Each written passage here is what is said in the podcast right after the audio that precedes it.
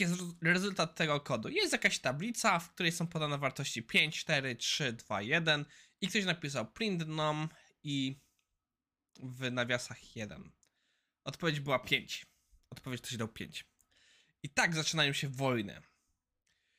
E, dla osób, które siedzą mniej w kodzie, większość list zaczyna się od zera, czyli tak naprawdę pierwszy element, który zostanie, którym jest piątka, jest tak naprawdę na pozycji 0, więc num 1 zwraca numer 4. Agenda na dzisiaj. Jak testować wizualnie produktywność pracy w kubku różności sobie trochę pomarudzę. Zaczynamy.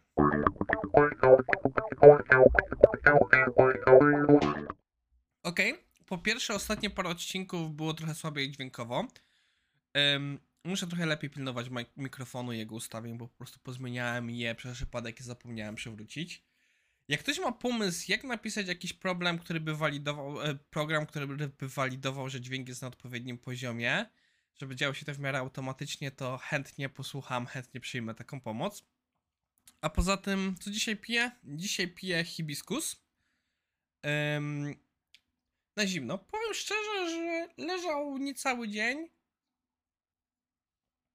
Kolorystycznie jest ładnie. Ale że potrzebuję chyba trochę się przegryźć. Marcin zaproponował ten ciekawy pomysł, żeby może zrobić odcinek specjalny na temat tego, co ja piję, jak ja to przyrządzam. W sumie to nie jest głupi pomysł. Co powiecie, żebyśmy zrobili sobie stretch gola, pierwszego w naszej historii? Jak przekroczymy 666 subskrypcji, to zrobię odcinek specjalny na temat tego, jakie napoje piję, jakie przyrządzam. Dajcie znać, co o tym sądzicie. Co sądzicie o takim pomyśle.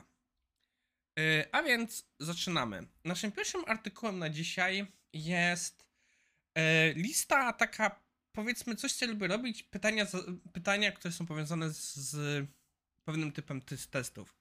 W tym wypadku autorka koncentruje się na tym, jakie pytania, na co trzeba zwrócić uwagę, yy, kiedy robimy testy end-to-end, -end, przepraszam, wizualne, czyli patrzymy, wykorzystujemy automaty, żeby sprawdzić, czy nasza strona, nasza aplikacja wygląda jak należy.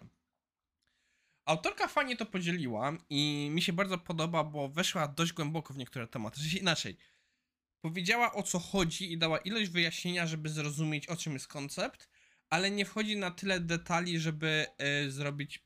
Przepraszam, coś mi tutaj pikło? E, nie wiem, co to było. E, nie na tyle głęboko, żeby żebyśmy mieli tutaj pełną opowieść.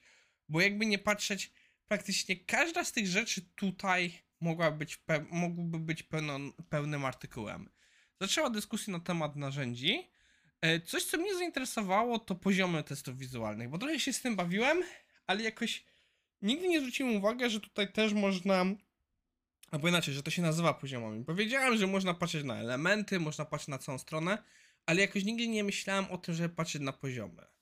E, kwestia wsparcia przeglądarek to jest bardzo istotna kwestia, więc fajnie, że to poruszyła.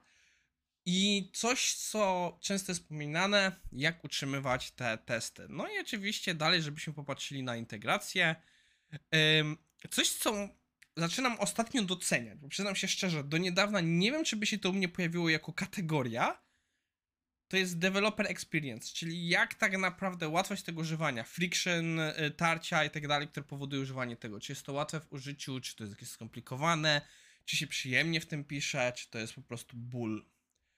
E, dalej poruszasz takie kwestie bardziej związane już typowo z narzędziem, czyli kwestia naszego punktu odwołania, naszego. Pies wrócił właśnie ze wsi i po prostu nie może znaleźć swojego miejsca, więc się kręci wszędzie. Eee, twojego punktu odniesienia Dalej jest tego tutaj właśnie ten baseline image, handling. No i oczywiście coś, co zawsze warto poruszyć, czyli temat, jaki mamy budżet, jaki mamy czas i no, jak to jest raportowane. Także support i community to są ważne tematy. Więc z mojej perspektywy autorka porusza bardzo fajne tematy i poświęca im tyle czasu, ile było, powinno być, żeby dać zrozumienie o co chodzi, ale nie wchodzić za głęboko. Więc super zrobiony artykuł może w pewnym sensie redundantny, bo trochę podobnych artykułów się przewinęło, ale widzę jego wartość. Naszym drugim tematem na dzisiaj jest dyskusja o produktywności.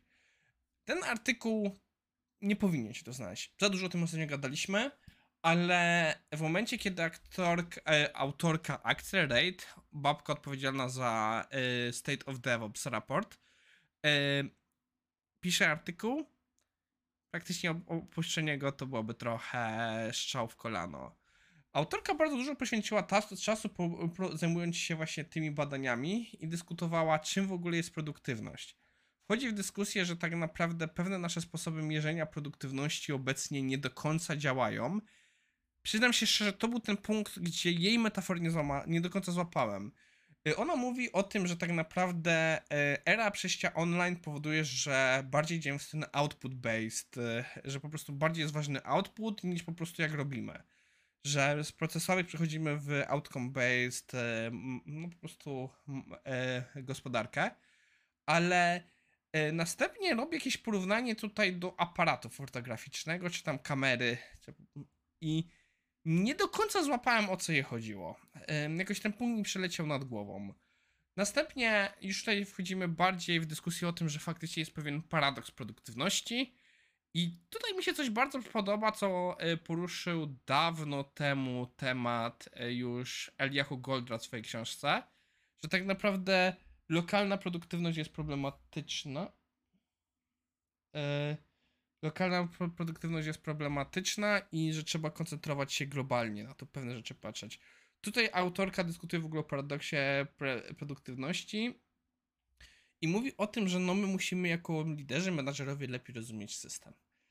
Później jest dużo takiej rzeczy już bardziej menadżerskiej, nie będę tutaj w pełni to wchodził na temat mierzenia, ale mi się spodobała jeszcze jedna rzecz, co się dzieje na końcu artykułu. Artyku- autorka wdawała się w dyskusję na temat produktywności na poziomie lokalnym i e, tutaj e, dużo się też ciekawych rzeczy można było dowiedzieć, dużo ciekawych rzeczy się działo. E, I mnie najbardziej zainteresowało punkt o tym, jak po prostu można zrobić sobie takie dwuminutowe refleksje na zasadzie, co, co dzisiaj się działo, co robiłem i e, że coś takiego też bardzo pomaga. Ja pamiętam, że jak czytałem książkę o self-improvemencie, to pomysł takich refleksji się przewijał. Zawsze zabrakło mi dyscypliny, żeby to wprowadzić, ale może zrobię kolejne podejście. No i okej, i w tym momencie będziemy powoli kończyć nasz dzisiejszy odcinek. Jedyne co bym chciał zaznaczyć. Nie, dobra, chciałem porentować na Pizza Hut, ale jednak jest piątek, zbliżamy się końca, końca weekendu. Na początek weekendu, nie na koniec weekendu, więc. Do usłyszenia i miłego weekendu.